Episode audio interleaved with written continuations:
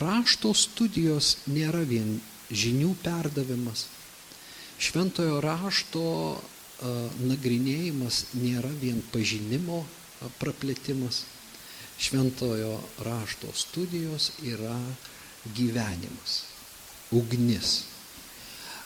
Jos atveria terpę šventajai dvasiai.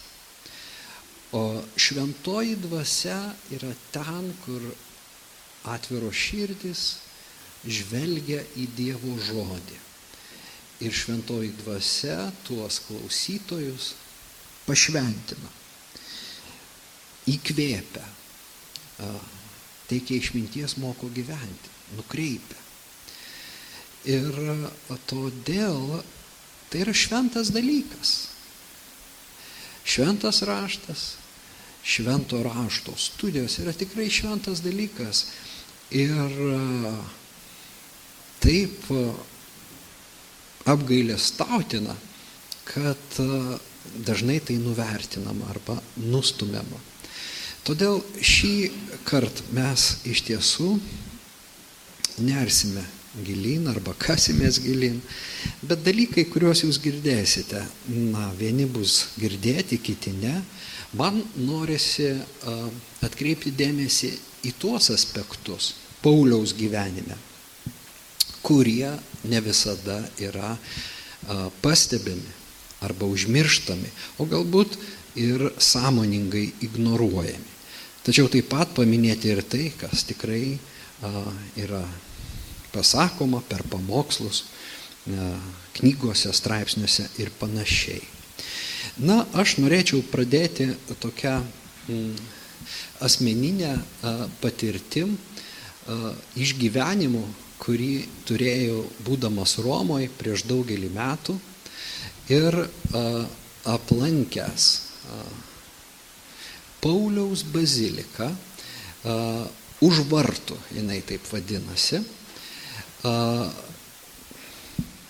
prieš įeidamas į baziliką kiekvienas tikriausiai vat, sustoja prieš tą Pauliaus skulptūrą, kuri tikrai labai didelė, įspūdinga. Ir galbūt pirmą kartą man buvo taip, kad žiūrėdamas į meno kūrinį, vaizduojantį mano mylimą apaštalą ir autorių, kuri, kuris yra čia apsiginklavęs kalaviju, dvasios kalaviju, kad aš turėjau tokį gilų dvasinį išgyvenimą. Sakau, galbūt pirmą kartą, nes, na, iš tiesų, vat, meno kūrinys ir, ir dvasia kurį laiką mano uh, savimoniai buvo atskiri dalykai. Bet um, va čia aš turėjau tą išgyvenimą, kuris man padėjo pajusti Pauliaus didybę. Stovėdamas aš taiga suvokiau, kad Paulius buvo labai didis, iš tiesų, labai didis. Ir kad a, taip norėtųsi prisiliesti prie jo tos didybės. Ir kame ta didybė, suprasti labiau, kad ir pačiam galbūt bent kažkiek, a, na, nueiti tomis pėdomis, kurio, kurias jis paliko. Bet uh, tuomet aš dar nežinojau, kad susiklošius aplinkybėms man teks uh, iš tiesų su apaštalu Pauliumi bendrauti be tarpininkų, vertėjų ir skaityti jį, uh, na, susitinkant su juo akis į akį, uh, graikų kalba. Ir esu dėkingas Dievui už, už tokią malonę ir uh, už tą galimybę iš tiesų su Pauliumi bendrauti ir gilintis, verčiant jo laiškus bei rašant uh, komentarus. Būtent dabar aš išgyvenu dar labiau tai, ką tuomet va, stovėdamas patyriau ten Pauliaus bazilikoje. Tai yra Pauliaus fenomeną. Apaštalas sako, kad jis, na, cituokime, pirmas laiškas korintiečiams, Dievo malonę esu, kas esu, ir jo man suteiktoji malonė neliko bergžė. Esu, kas esu, kas tu, Pauliau, esi koks šio Kristaus tarno pasaulyje vaizdės, kokie siekiai, koks gyvenimas, kokios vertybės. Na ir svarbiausia, kokia širdis.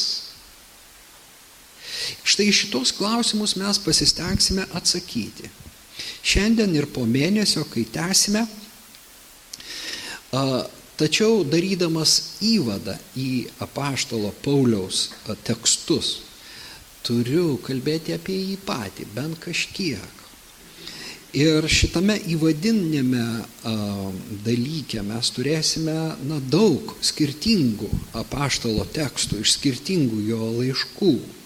O po to jau sekančiose dalyse, greičiausiai jau kitą kartą, nes šiandien, manau, nesuspėsime mes, nors tarsi norėjusi ir, ir paimti jo trumpiausią laišką, laišką Filemonui, bet manau, kad tai atidėsime jau kitam kartui. O, o šiandien mes susikoncentruosime ties apaštalo Pauliaus portretu ir ties tuo, kaip jo raštai mus pasiekė. Be abejo, klausydami stengsimės uh, suvokti, ką tai mums kalba šiandien. Ką per Pauliaus portretą šventoji dvasia nori pasakyti kiekvienam iš mūsų. Toks yra tikslas. Vat tokį mes savo išsikeliame tikslą. Bet Pauliaus fenomenas be abejo jo paties žodžiais pasakytas, kad būdamas mažiausias iš apaštalų, jam labai daug Paulius nestokoja ironijos. Laiškuose na, yra be galo daug ironijos ir čia savi ironijos. Tarsi nelaiku gimusiam Kristus pasirodė ir man. Tarsi nelaiku gimusiam. O, o jis gimė labai na, normaliu laiku. Yra, buvo, tiksliau sakant, Jėzaus iš Nazareto amžininkas Galimas dalykas net gimęs tais pačiais metais. Žodžiu, labai panašaus amžiaus visai laiku kitas sakytų, aš gimiau.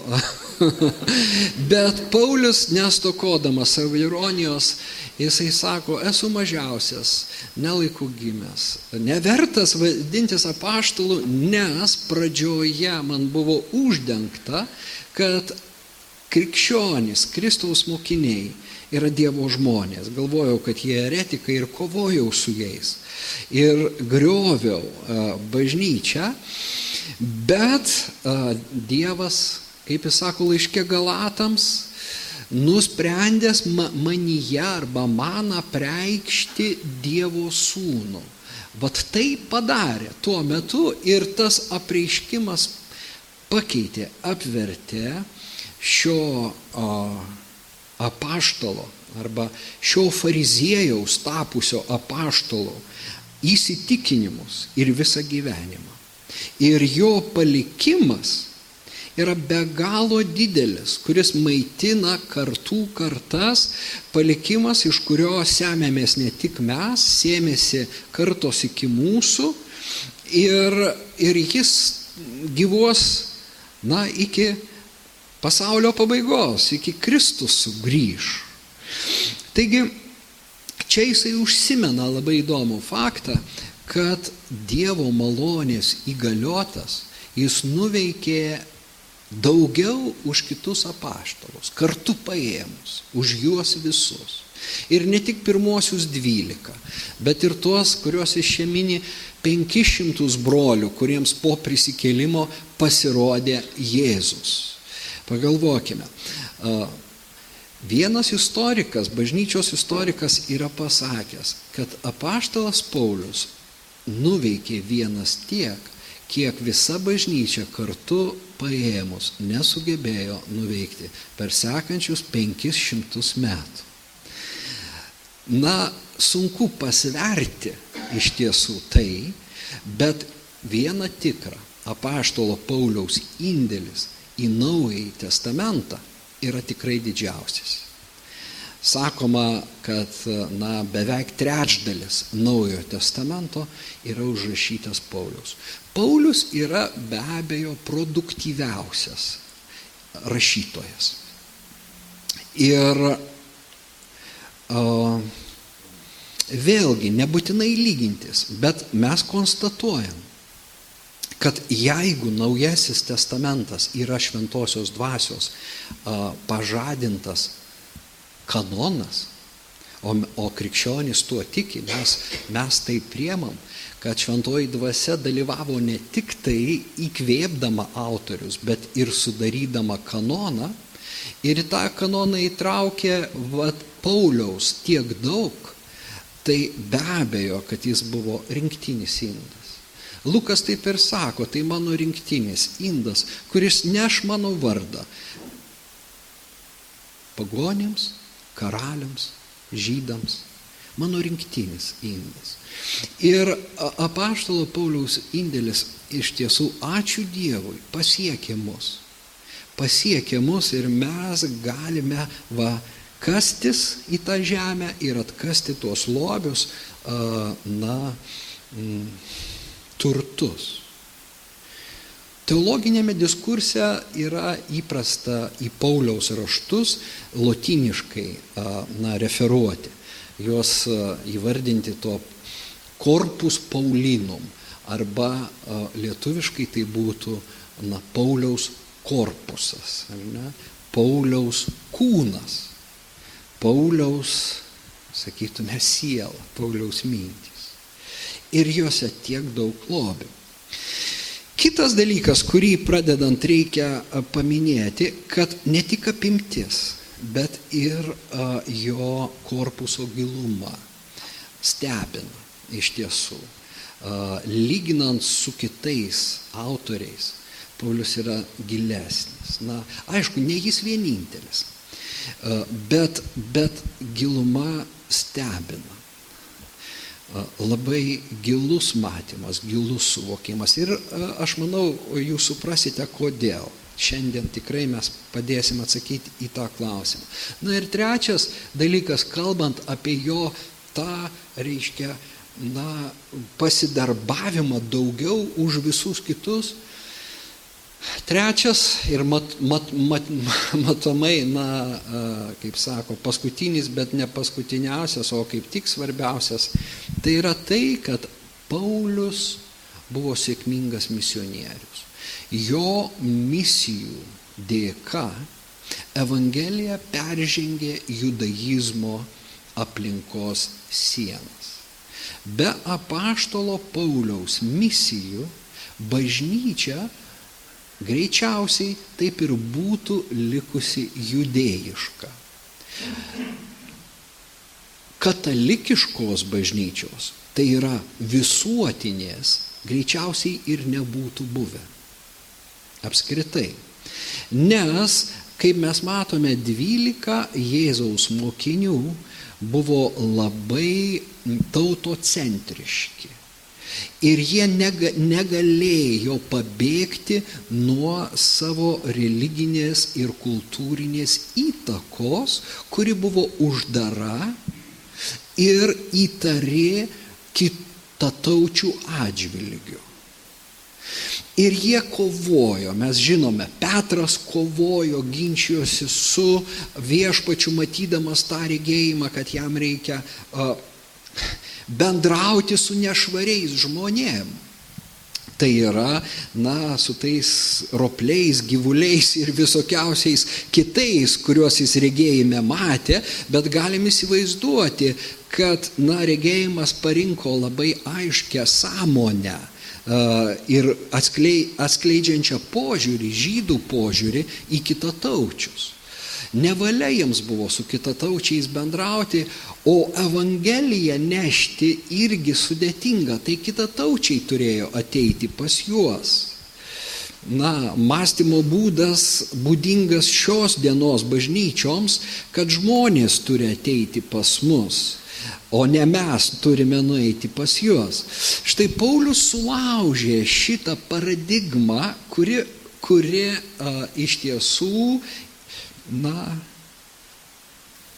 negabi atnešti gyvenimo. Negabi atnešti gyvenimo ir negabi atnešti Jėzaus Kristaus.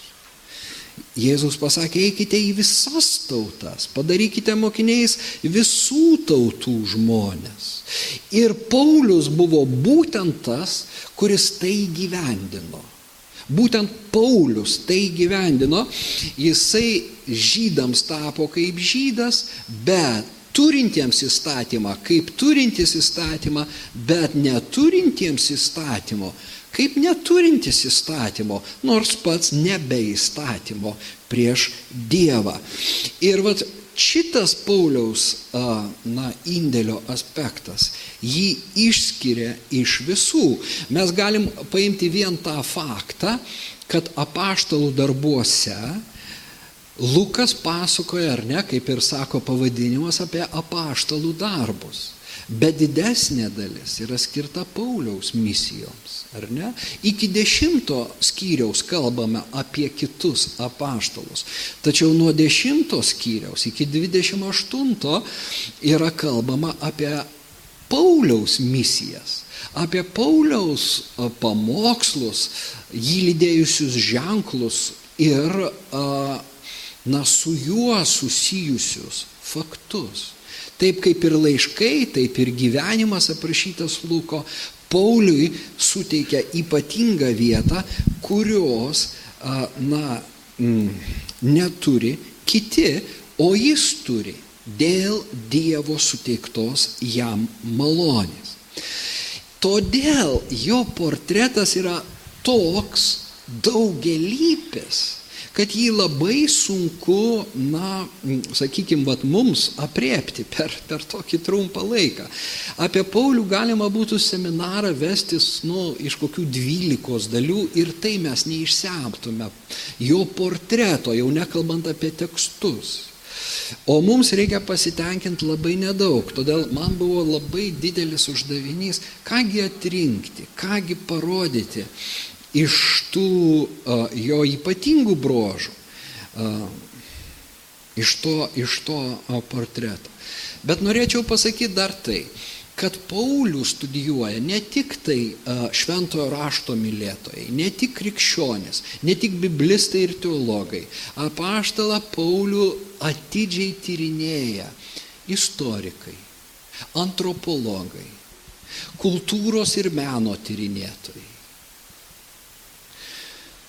apaštalas Paulius yra laikomas ne tik bažnyčios istorijoje, na, kaip išskirtinė figūra, bet apskritai vakarų Europos istorijoje apaštalas Paulius užima ypatingą vietą. Ir jeigu, na, mokslininkai sudarytų sąrašą žmonių paveikusių ir tebeveikiančių europiečių mąstymą, Paulius tikrai būtų, na, pirmam, sakykime, nežinau, dešimtuke, penketuke, ir aš kalbu ne apie krikščionis, apskritai apie mokslininkus. Man teko universitete dalyvauti vienos daktarės habilitacijos procese ir ten, reiškia, Vilniaus universiteto profesūra, na, kalbėjo apie jos knygą. Ir aš tada nustebau, kad, vat, o knyga buvo iš tiesų, na jūs žinote, tai e, maištininkų katedros Dainora Pociūtė, jinai habilitavosi. E, ne, ne apie Paulių, bet staiga pakrypo kalba apie Paulių. Ir e, na, viena garsiausių Lietuvos lotiniščių pasakė, tik apaštalo Pauliaus dėka Europą atrado sąžinę. Ir, ir, na, be Pauliaus nebūtų sąžinės. Ir aš klausiau, galvojau, kaip įdomu, kokia visgi, na, to žmogaus įtaka buvo. Ir iš tiesų jisai rašė apie sąžinę, va tada aš pradėjau, galvoju, reikia man daugiau apie į sąžinę pasigilinti. Ir, na, nes aš jau jutau, kad ne Paulius atrado sąžinę, kad sąžinė ir iki Pauliaus buvo, bet visgi Paulius buvo sąžinės katalizatorius. Tas faktas yra, kad Saul, Paulius sąžinę katalizavo tą sampratą Ir žiūrėkim, sąžinė po šiai dienai mums yra toks svarbus žodis. Bet pavyzdžiui, žydams jis nebuvo svarbus žodis, jie tokio žodžio net neturėjo kaip sąžinė.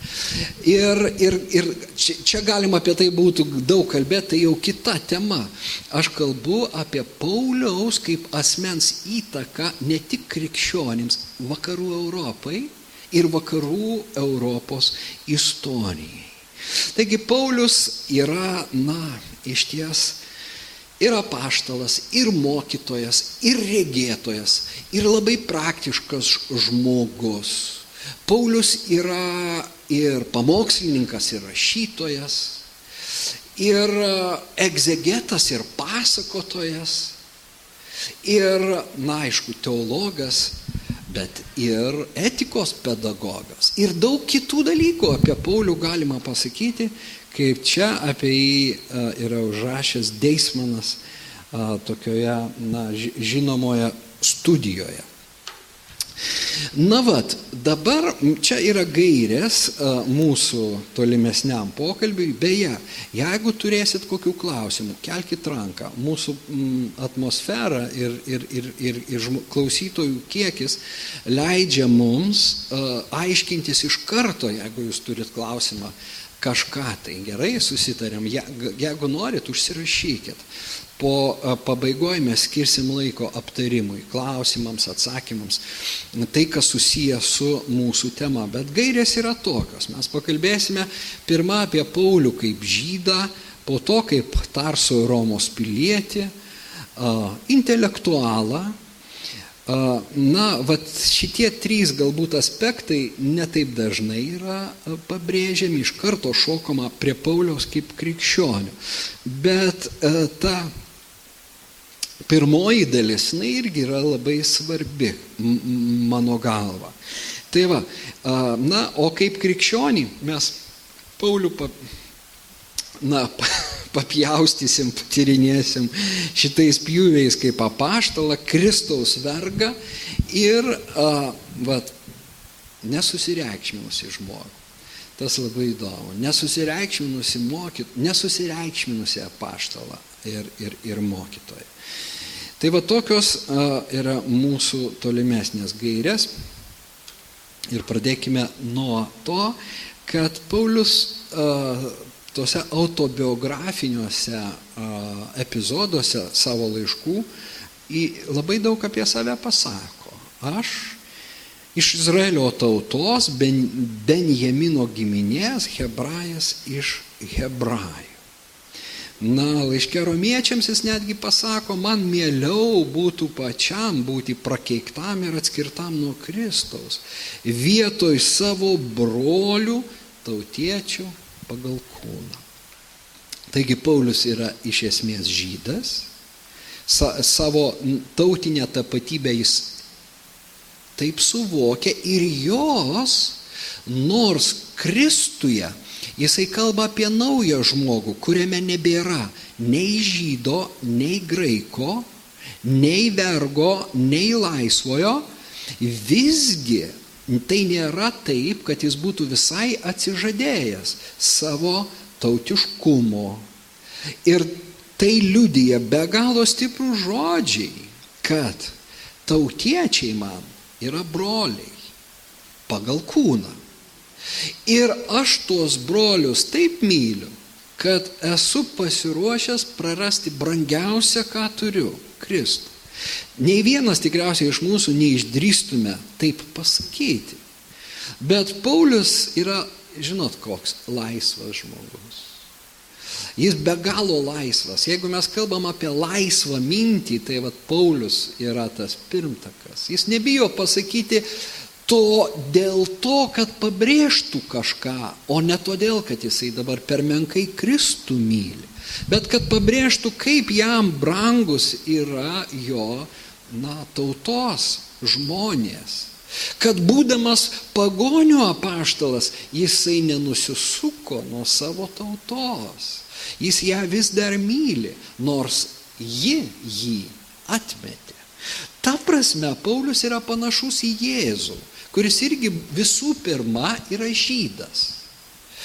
Jis panašus tuo aspektu, kad jie abu atėjo pas savuosius ir savieji jų nepriėmė. Ar ne? Tiems, kas priėmė Jėzų, jis davė galę tapti Dievo vaikais. Tiems, kas priėmė Paulių, Dievas davė, na, malonę dalyvauti tautų bažnyčioje. Labai dažnai, kai me, vat, iš karto pasakysiu, posakis pagonių apaštalas jau yra vertimas. Lygiai taip pat galima versti ne pagonio apaštalas, o tautų apaštalas. Tai va, bet nes pagonis turi jau tą tokią konotaciją, ar ne, tokia jau, na, kažkoks žemesnis, reiškia, bedievis. Pagonis tai bedievis. Bet graikų kalboje etnos, etne, tautos yra ir tik vėliau tas žodis pagonys, na, pritapo ir vertėjai dabar, kadangi jis taip jau įsi, na, tapo kalbos dalimi, verčia dažniausiai pagonių apaštalas, bet tai yra tautų apaštalas, tai kažkas tai naujo. Tai vad, Deismanas ten mini, reiškia, homo novus, ar ne, naujas žmogus. Paulius buvo tikrai naujas žmogus daugeliu aspektų, aspektų ir, na, vat, dalyvauti Pauliaus misijose reiškia, reiškia eiti nepramintais takais, absoliučiai nepramintais takais. Ten, kur kiti nėjo. Todėl tiems, kas uh, gyveno uh, uždarame religinėme uh, kontekste, buvo be galo sunku eiti su Pauliumi. Galbūt tas Morkus buvo toks, kuris paragavęs truputį misijų, čia pat grįžo kur? Į Jeruzalę, ten, kur buvo saugu ir suprantama. O Paulius mėgo tas neužimtas teritorijas. Bet eidamas į tautas, ir neždamas jiems Kristų, Paulius jokių būdų nenusisuko nuo Izraelio. Jis buvo žydas savo šaknimis, savo protėviais, iš Benjamino giminės, žiūrėkime, jisai sako, iš Benjamino giminės, hebrajais iš hebrajų. Benjamino giminė viena iš dvylikos Izraelio giminių pasižymėjo kuo? Jinai buvo žymi kuo?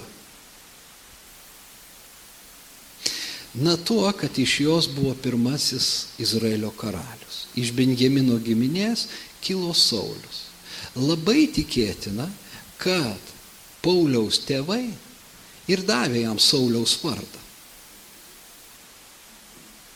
Kaip lietuviai duoda Mindaugo vardą, Gedimino vardą, ar ne, Vytautas ir, na, va, taip ir Saulis, reiškia Izraeliui, pirmasis karalius. Kas, e, na, nenorėtų, kad jo sunus būtų jį panašus. Nors mes į tą Saulį jau labai taip negatyviai žiūrim, reiškia, ir jis jau aišku neprilyksta Dovydui ir net yra, na, Dovydo konkurentas, bet Izraelėje jis buvo gerbtinas.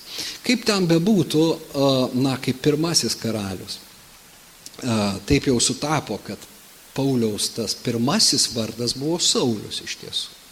Tai Saulius. Tiesa, apie vardus kalbant, kas man pasakys, o Paulius iš kur atsirado?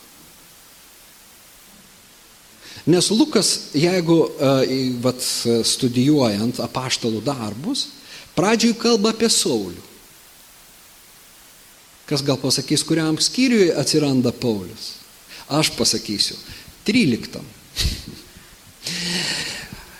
Paulius atsiranda draugė su misijom.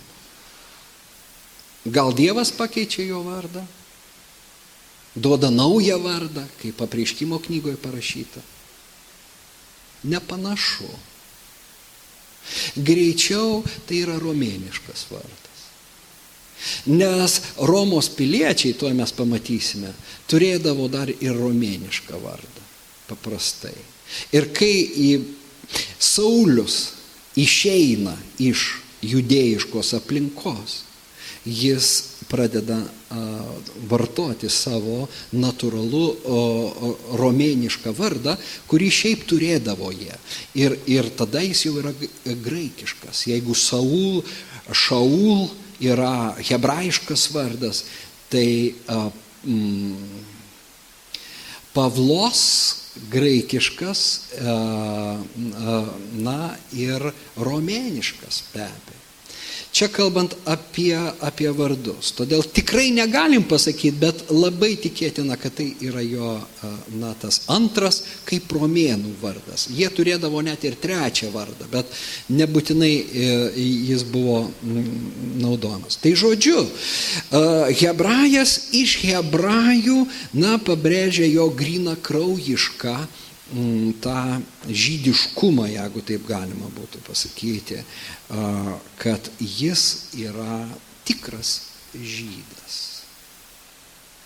Na ir be abejo, fariziejus dar minimas.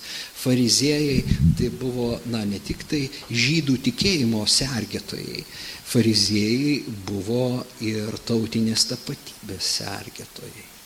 Todėl mokymas apibrėždavo tą tautiškumą labai stipriai, taip kad jūs žinote, žydai nebendravo net su samariečiais, kurie irgi turėjo žydiško kraujo, bet jau nebebuvo grina kraujai žydai.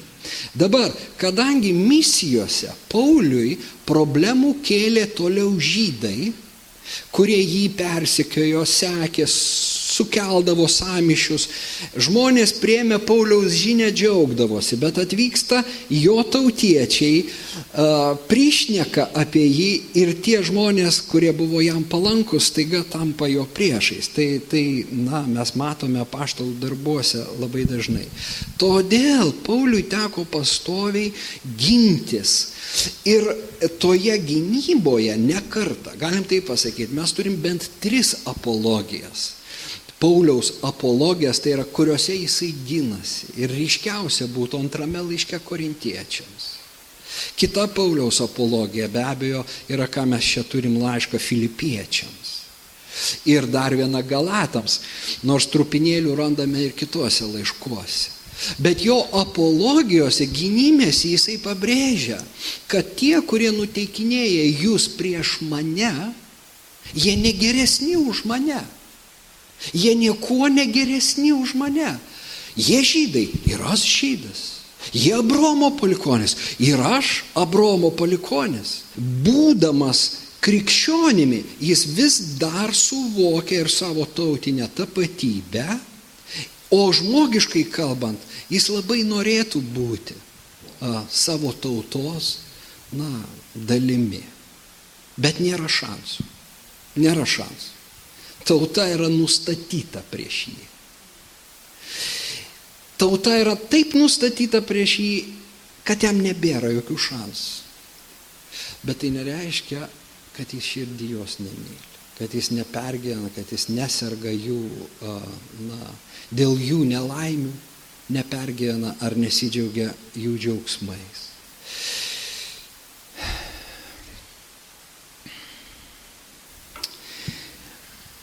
Paulius Tarso ir Romos pilietis. Aš esu žydas, bet iš kur? Iš Kilikijos Tarso.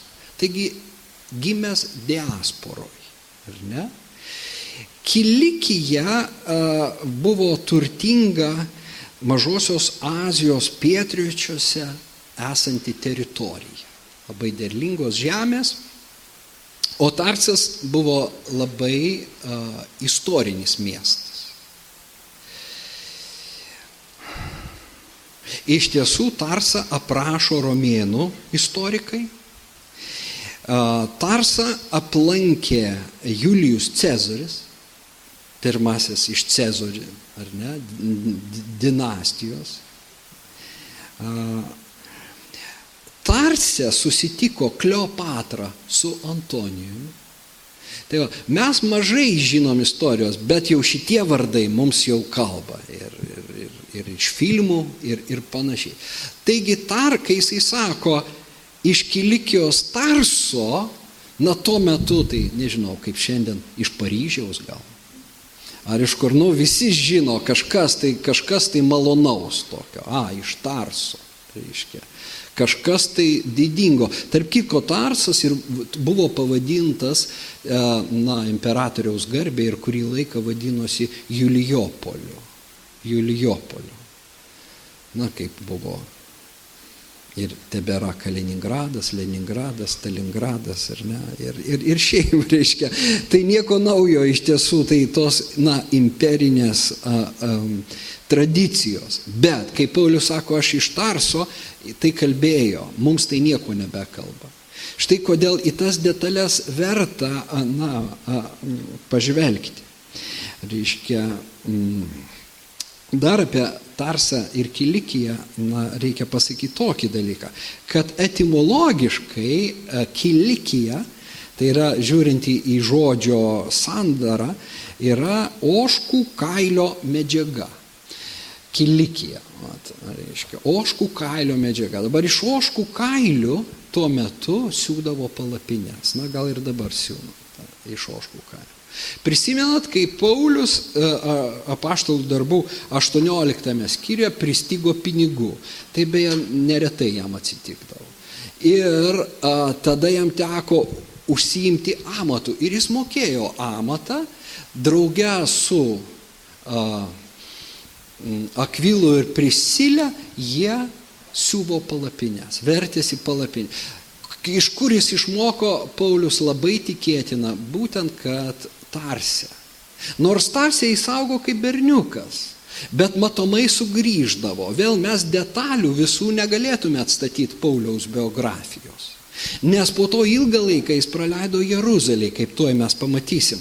Bet Tarsė jisai visgi augo kaip fariziejaus namuose. Paulius buvo ne tik tai pats fariziejus, jis gimė fariziejaus namuose. Jisai sako, fariziejaus sunus. Taigi, kai tu gimėjai, na, pastoriaus namuose, tu augai jau atitinkamoje aplinkoje. Ir ne, kur yra privaloma eiti sekmadienį į bažnyčią, prieš valgant melstis, vakare melstis, kur tau skaito būtinai šventą įraštą ir dar, dar kitų daug dalykų.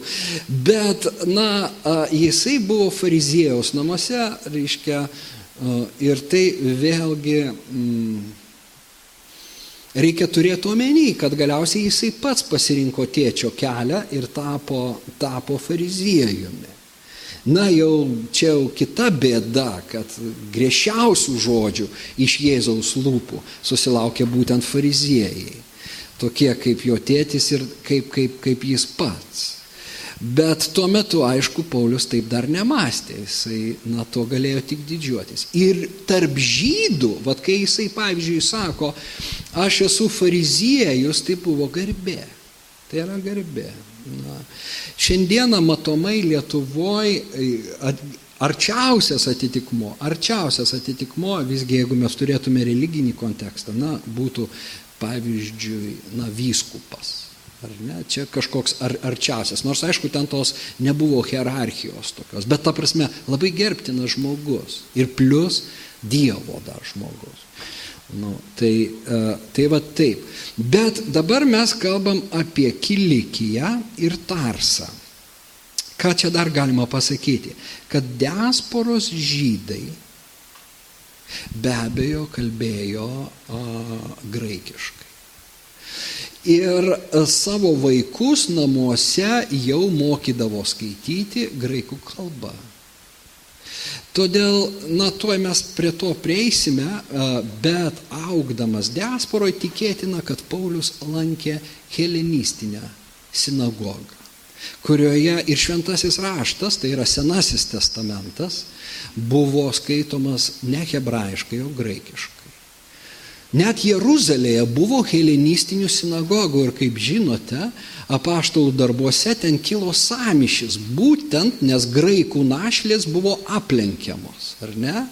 Netgi Jeruzalėje, reiškia, ir netgi tarp krikščionių tos tautinės hebrajiškos ambicijos, na, duodavo apie save žinoti. Jeigu našlė žydė, ją pasirūpinsim, jeigu našlė na, lanko, lankė, sakykime, helenistinę sinagogą, reiškia graikiškai jinai kalbanti, tai jinai verta mažesnio dėmesio. Čia paštalų darbai. Na ir jie sprendė tuos klausimus ir tas problemas. Taip tikėtina, kad Paulius būtent vaikystėje augo, na, toj helenistinėje aplinkoje, nes diasporoj. Bet dar mes praleidome, na, iš citatų matome, kad jis buvo ir Romos pilietis. Aš anksčiau to niekaip nesuprasdavau. Bet tuo metu galima buvo turėti dvigubą pilietybę, ko dabar kai kurie norėtų. Ypač gyvenantis lietuvių diasporoj. Reiškia, visi norėtų turėti kažkodėl tai ir Lietuvos pilietybę. O mes visi kažkodėl norėtume ir ten gyventi, ar ne? Aš juokauju, aišku. Bet, na, yra vat, tos analogijos. Mes, na, norėtume, reiškia, tobulas variantas ir materialiai pakankamai turėti, bet ir nuo tautos nebūtų atšokus. O dėja taip jau yra.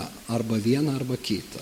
Dažniausiai taip yra. Ir tas vat, bandymas su, sugretintos dalykus, kaip Šiandien taip ir anomet buvo, matome, nelengvas. Bet Paulius turėjo dar svarbesnę pilietybę. Jis buvo ne tik Tarso pilietis. Miestai galėdavo būti autonomiški kaip Tarsas. Ir žmonės ten galėjo turėti savo pilietybę. Bet šalia Paulius turėjo Romos pilietybę, kas buvo kur kas daugiau. Ir tribūnas Jeruzalėje nustebo, sako, tu Romos pilietis. Taip, pasakė Paulius. Aš šitą pilietybę tribūnas sako įsigijau už didelius pinigus. O Paulius atsiliepia, o aš turiu ją nuo gimimo. Ir be matant pasitraukė nuo jo tie, kurie turėjo jį tardyti. Tribūnas išsigando sužinojęs, kad Paulius yra Romos pilietis ir kad jį surišo. E, na, tyrinėtojai e, diskutuoja, kas įrodydavo pilietybę. E, paso žmogus neturėjo, kaip mes dabar. Bet galvojama, kad galėjo turėti lentelę kurioje buvo tos teisės. Reiškia, na, ant lentelės iš, iš, išraižyta arba pažymėta su įspaudais atitinkamais ta Romos pilietybė. E, bet yra ir kitokių nuomonių. Vienu ar kitu būdu Paulius galėjo pateikti įrodymus. Ne tik pasakyti, bet ir pateikti įrodymus, kad jis yra Romos pilietis. Ir matome, jisai gimė Romos piliečių. Dabar vėlgi Tai, e, na, mm, istorikai kalba, kad vienas iš imperatorių, neatsimenu kuris, suteikė Tarso gyventojams ypatingą malonę ir jie visi tapo, na, Romos piliečiais. Matomai e, galėjo Pauliaus net seneliai ją gauti ir tai buvo perdodama ta, ta pilietybė. Ar tėvas bet kuriuo atveju, kaip Romos pilietis, jis turėjo išskirtinių teisių. Ir viena kurią Dievas ypatingai panaudojo, tai buvo teisė šauktis imperatoriaus teismo. Ciesoriaus teismo. Ne, Romos pilietis tokios teisės neturėjo. Ir Kai Paulių sugavo Jeruzalėje, va čia va prasideda ta istorija iš tiesų, ir po to jisai buvo nugabentas į Cezarėją ir galiausiai keliavo į Italiją ir atsidūrė Romoje, nes jis šaukėsi ciesuriaus arba imperatoriaus teismo Tai tai galėjo padaryti tik tai Romos pilietis. Dabar kiekvienas Lietuvos pilietis gali kreiptis į pirmą instanciją, į antrą instanciją ir į Lietuvos aukščiausiai teismą. Bet įsivaizduokit, kad tu neturi galimybės kreiptis į aukščiausiai teismą. Dažniausiai žemesni teismai sprendžia tavo nenaudai na, aukščiausiam teisme gali tikėtis didesnio teisingumo. Taip ir Paulius sakė, aš reikalauju Ciesoriaus teismo. Ir karalius Erodas, kuris atėjo paklausyti Pauliaus, Lukas jį mini kaip karalių Agripą. Bet karalius Agripa tai iš tiesų yra Erodo didžiojo anukas. Erodas turėjo daug vaikų ir Erodas didysis, kurio metu gimė Jėzus, kurį mini Lukas, po to Erodas Jėzų nukryžiuojant jau buvo jo sunus.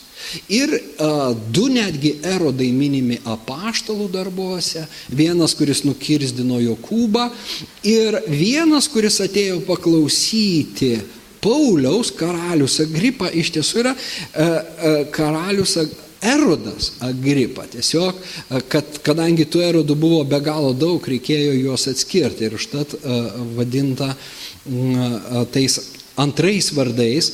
Ir reiškia, jis sako, galėtume paleisti šitą žmogų, bet kadangi jisai šaukėsi ciesoriaus, tegul eina pas ciesorių.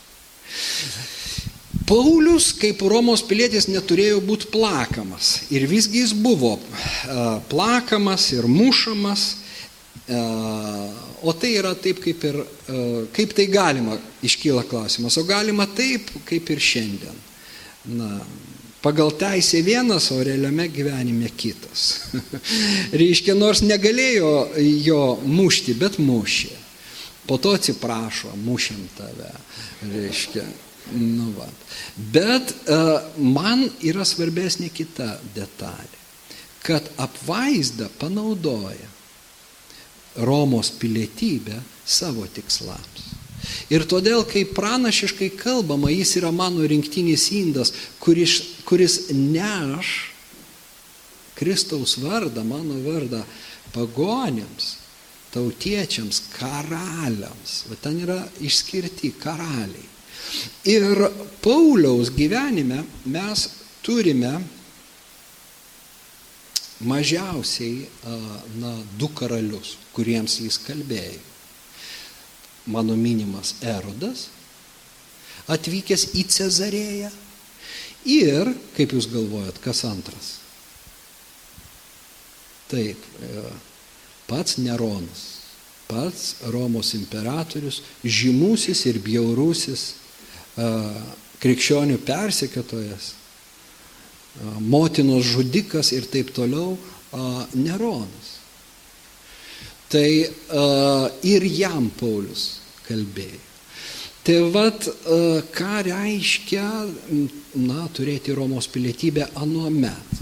Ir vėlgi tampa akivaizdu, bet tuoj tuoj aš dar kartą gal tą pakartosiu po to, kad dažnai, kai mes galvojam apie Dievo įgalinimą ir Dievo veikimą mūsų gyvenime, mes galvojam, kad Dievas suteikia ant gamtinės tik tai dovanas, bet iš ir paneigiam natūrales dovanas, kaip kilmę savo, kaip na, socialinę padėtį, išsilavinimą ir panašiai, kad čia Dievui tai nerūpi. Klaida. Mes nepakankamai atidžiai skaitome šventąjį raštą. Dievui viskas rūpi. Ir aišku, galima sakyti, kad, na, jis gali viską, bet jis visko nedaro. Ir tai, ką jis daro, Dievas visada turi ir tą natūralumo atspalvį. O tas natūralumo atspalvis paslėpia Dievą. Nes Dievas nenori savęs įpiršti labai kažkaip tai va taip grubiai. Jisai uh, veikia taip, kad tu gali sakyti, tai Dievas, bet tu gali sakyti, čia, nu, čia paprasčiausiai, nu, Romos pilietis. Ne vienas Paulius nuėjo iki ciesoriaus teismo. Ne? Ir, ir panašiai. Bet, bet va, Dievas per tai veikia.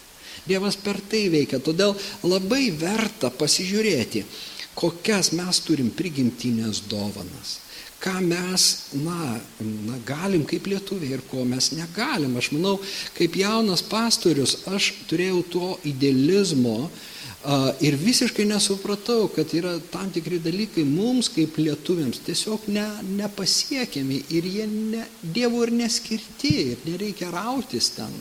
Uh, uh, na, na, mes esam tokia maža tautelė, reiškia ir panašiai, bet tuo metu man atrodė, kad Vilniui galima turėti, na, tokio dydžio bažnyčią kaip, na, sakykime, Seule, ar ne?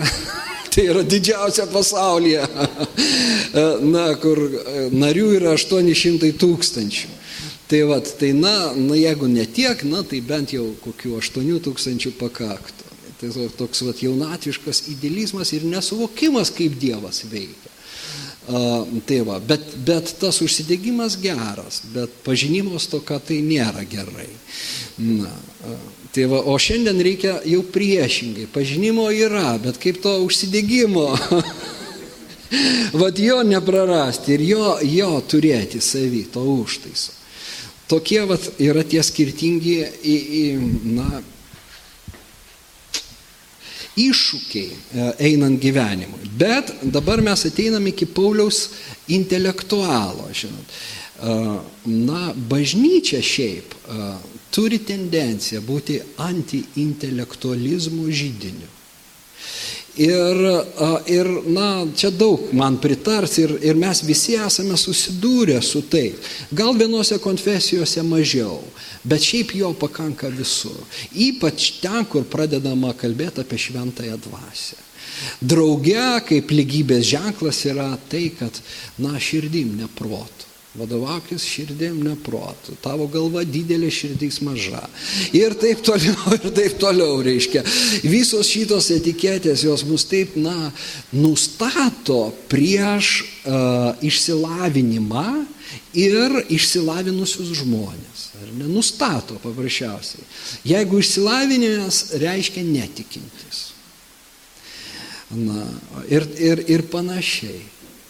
Aš pamenu vieną pastorių, kai aš nusprendžiau studijuoti, reiškia, važiuoti magistrinių studijų teologinių. Reiškia, ir aš dalinausi tai kaip tokiu džiaugsmu, kad, na, kaip gerai, vat, pavyks išvažiuoti. Reiškia, ir, o, ir jis buvo amerikietis ir kalbėjomės angliškai. Ir jisai sako, seminaris, a, semetaris, žodžių žaismas. Reiškia, seminarijos yra kapinės. Nu, matot, lygybės ženklas, aiškiai. Jeigu seminarija, tai lygų kapinės. Reiškia, kur tik tai yra mokslas, ten nėra tikėjimo. Čia mes turim platesnį klausimą - mokslo ir religijos prieš prieš, ar ne? Mokslo ir tikėjimo prieš prieš. O tos institucijos kaip universitetai, krikščioniški seminarijos stengiasi tikėjimą ir mokslą sujungti ir, ir nu, parodyti, kad nėra tos priešpriešos. Ir apskritai išlavinti žmogų. Išlavinti žmogų. O mes galvojam, vat, na, iš tų charizminių ypač aplinkuotė, kad išsilavinimas reiškia tiek, kiek tu išsilavini, tą proporciją tu atitolsti nuo Dievo. Reiškia. Taip vat, mąstoma, užkoduota tai yra. Štai Paulius mums paneigia tai. Matot, kodėl aš truputį su humoru kalbu? Todėl, kad Pauliaus portretas tai paneigia. Jis buvo geriausiai išsilavinęs savo metu žmogus. Ta prasme, turintis aukščiausią išsilavinimą na, savo amžiuje arba tuo metu savo kultūroje. Todėl valdytojas Romėnas Festas, klausydamas jo, sako, Pauliau, iš didelio rašto tu išėjai iš krašto. Čia aišku lietuviškas vertimas, ten nieko tokio nėra pasakyta. Bet, reiškia, pasirodė, kad tinka šitas dalykas. Žodžiu, tu, nu, tu tiek išsimokslinęs, kad tu jau dabar apie prisikėlimą iš numirusių pradėjai kalbėti. Tai jau visai tau nebegerai, gal tau pagalba reikalinga. Mes visi mokėmės, bet tokių dalykų mes negirdėjom, o tu jau, jau viskas. Tai va, e, Paulius paneigia va, šitą, na, požiūrį tokį. Be abejo, tas požiūris gali būti ir teisingas. Iš tiesų, galima savo išsilavinimą, žinias panaudoti tam, kad kitus sumenkint ir, na, save išaukšti. Bet galim išsilavinimą panaudoti, kad kitus ugdyti, o save prarasti, ugdant. Viskas priklauso nuo kaip naudojamos priemonės. Taip kaip ir pasiturintis žmogus, turtingas, sakykime. Jis gali tais pinigais padėti pastatyti va, tokius centrus pastoracinius kaip šis. A, bet jis gali, na, ir kitaip tuos pinigus panaudoti, ar ne? Kaip yra tai panaudojama, kam tai yra atiduodama.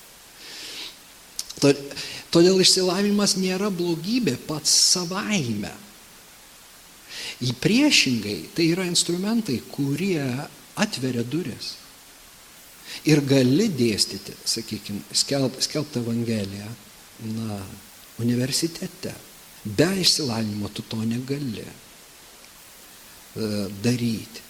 Štai Paulius galėjo stovėti Areopagę ar ne, Areopagė, Atenuose, pačiame centre, reiškia, to inte, intelektualinio gyvenimo Romos imperijoje ir jo klausė, žiūrėkim, jis gavo žodį Areopage.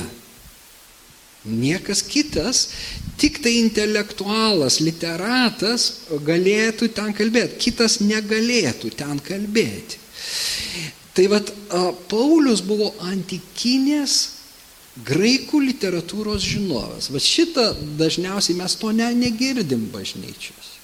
Bet kai skaitai na, jo tekstus, atrandi, atrandi tai. Na, visų pirma, vat, man atradimas verčiant pirmą korintiečiams, šitą jūs žinote, reiškia, kaip ten a, sako, blogos draugijos gadina gerus papročius. Štai koks vertimas. Gadina dorą būdą blogos pažintys. O tai citata iš jambais parašytos dramaturgo Menandro komedijos, ko, iš komedijos, kuri buvo plačiai paplitusi skaito. Ir tai skaitoma visų, na, ir paplitusi, bet vėl ne tai, kad kiekvienas žmogelis žinojo, Bet e, ten jisai net nepaminė, jis tik tai pasako tai. Bet iš tiesų, e, na, tu supranti, kad Paulius buvo apsiskaitęs. Dar labiau, e, jis cituoja savo, na, netautietį, o savo kraštietį Aratą, poetą Aratą iš Kilikijos, iš to paties Tarso teritorijos Kilikijos, kuris yra palikęs kiek tai na, poemų, kurios pasiekė ir mus, ir viena yra tai, kas regina. Fainomena. Ir jis cituoja būtent kalbėdamas Areopage. Ar ne, kai jisai buvo Areopage, jis iš karto atranda sąlyčio tašką. Jisai gali, na, pacituoti poetą ir, ir tarp kitko žodis į žodį. Reiškia atmintinai, kaip mes Maironį Na, taip jisai cituoja. Ir jis žino, va, tai man padės. Graikams būti kaip graikų. Aš ieškau sąlyčio taško, kad atverčiau Kristų. Čia pat jisai cituoja filosofą uh, Epimenidą, šešto amžiaus prieš Kristų. Ir jį jisai cituoja ir laiškė Titu. Tyrinėtojai išvelgia ir daugiau citatų. Bet mums užtenka ir šitų, kad suprastume, kad Paulius buvo išsilavinęs, intelektualus, kad jis buvo apsiskaitęs. Ir matot, va čia yra, reiškia, tas dalykas, kad tai dabar, kai mes girdim tai ir sakom, tai ką, tada man vietos nėra. Ne, yra, kai buvo vietos Petrui žvėjui, Jonui, Jokūbui, kurie, kai juos pastatė prieš Sinedrioną, čia pat parašyta, pamatė, kad tai ne išsilavinę, ne paprasti žmonės, jie stebėjosi, bet prisiminė juos buvus su Jėzumi. Ne? Tai reiškia, Galilėjos žvėjai neturėjo to, ką turėjo Paulius, bet Dievas juos naudojo. Bet padaryti išvadą, kad Dievas naudoja tik žvėjus ir tik neapsiskaičiusius, yra klaidinga. Ir labai klaidinga. Nes matot, būti išdidžiu galim būti ir neapsiskaičius. Būti grubiu ir, nu, smerkiančiu teisiančių, tai yra visai nenuolankių. Galim būti, na, nieko neskaičius. Ir tada jau nėra nieko blogiau, aišku. Kai, kai, vat, kai žmogus toks. Tai vat aš bandau sutaikyti tai, rodydamas jums Paulių. Pauliaus portretą ir jo šitas savybės, kad jame dėrėjo dvasia ir išsilavinimas, šventosios dvasios ugnis ir mąstymas. Pauliaus laiškai labai gilus. Labai reikia mąstyti daug, norint suprasti jį. Ir todėl net Petras, kaip žinote, parašė, kad, na, broliui Pauliui duota išmintis, kurios nesuprasdami iškraipo jo laiškus, kaip ir kitus šventuosius raštus. Reiškia, na, kai kurie dvėjoja, ar tai Petras užrašė, bet, bet kuriuo atveju jau tuo metu Pauliaus laiškai buvo aiškiai į juos žiūrima kaip į išskirtinę vertę turinčius tekstus, švent, šventuosius tekstus. Ir, na, to atimti, tai sujaukti būtų pati didžiausia klaida. Taigi remdamiesi Pauliumi mes matome iš tiesų, kad nors Dievas pašaukia paprastus, nieko nereiškinčius, nekilmingus, jis lygiai taip pat pašaukia ir tokius kaip Paulius. Ir žiūrėk, kad tie kaip Paulius įdeda didesnį indėlį, nors tiesa per didesnę kančią. Štai mes ir atėjome iki Pauliaus krikščionio.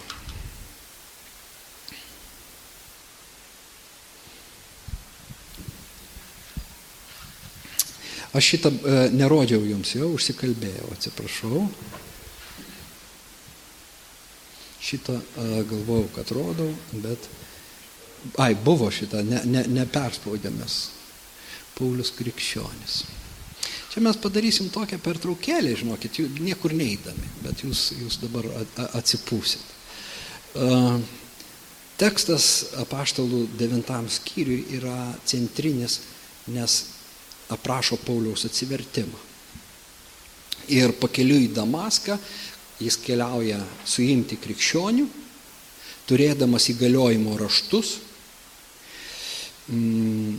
mesti vyrus ir moteris į kalėjimą Bet pakeliu į Damaską apšviečia jį šviesa iš dangaus ir jis krenta išgirdęs balsą. Sauliau, Sauliau, ką mane persikioji? Jis tarė, kas tu esi viešpatie? Viešpats sakė, aš esu Jėzus, kurį tu persikioji. Sunku tau spiriotis prieš akstį. Kelkis, eik į miestą ir tau bus pasakyta, ką turi daryti a, tekstas toks a, ryškus, kad amžiams bėgant menininkai stengiasi, na, jį m, tą vat Pauliaus atsivertimą užfiksuoti, nutapyti. Ir labai žymus menininkai, kaip, na, Mikelandželas. Uh, Aišku, čia jo freską mums reikėtų ilgiau žiūrėti, bet na, tiesiog jūs galite ir patys atrasti.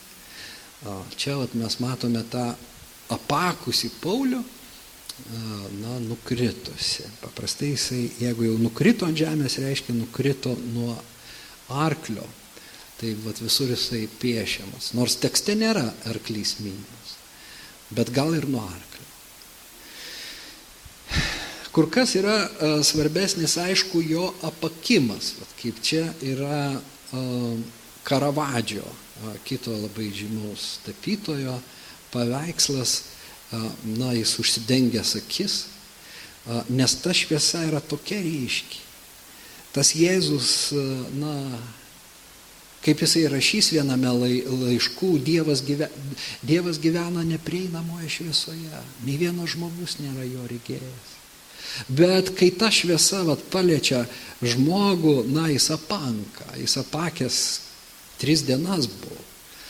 ir, ir maldos dėka praregėjo, bet, bet ta šviesa, na, iš dalies jį apakino ir iš dalies atvėrė jam akis. Jis turėjo pervertinti visus savo įsitikinimus ir suprasti, kaip stipriai jis klydo. Na, dar vienas Karavadžio paveikslas - atsivertimas pakeliu į Damaską. Na, Tai va, iš tiesų menininkai labai mąstė, matomai, jie, juos jaudino tas Paulios atsivertimas, nors bibliniais motyvais daug tapyta, bet šitą iš tiesų fiksuoja, na ir um, Lukas Kranachas, ar ne jau visai kitas stilius čia, bet vaizduojamas tas pas Paulius, nors tiesa kaip viduramžių ryteris čia labiau. Na, vat. Ir kitų autorių, kurių aš jau nebeminėsiu, bet stengiamasi, na, pavaizduoti tiek šviesą, tiek nukritusią paštalą, tiek tų kitų žmonių reakcijas, nes jis keliavo ne vienas, Paulius.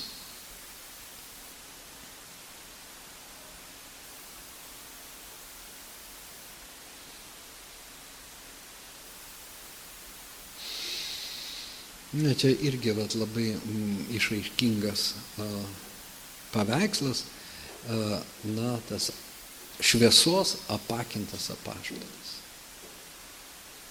Būsimas apaštalas. Čia dar jisai fariziejus, čia dar jisai bažnyčios griovėjas, čia jis dar eina su laiškais.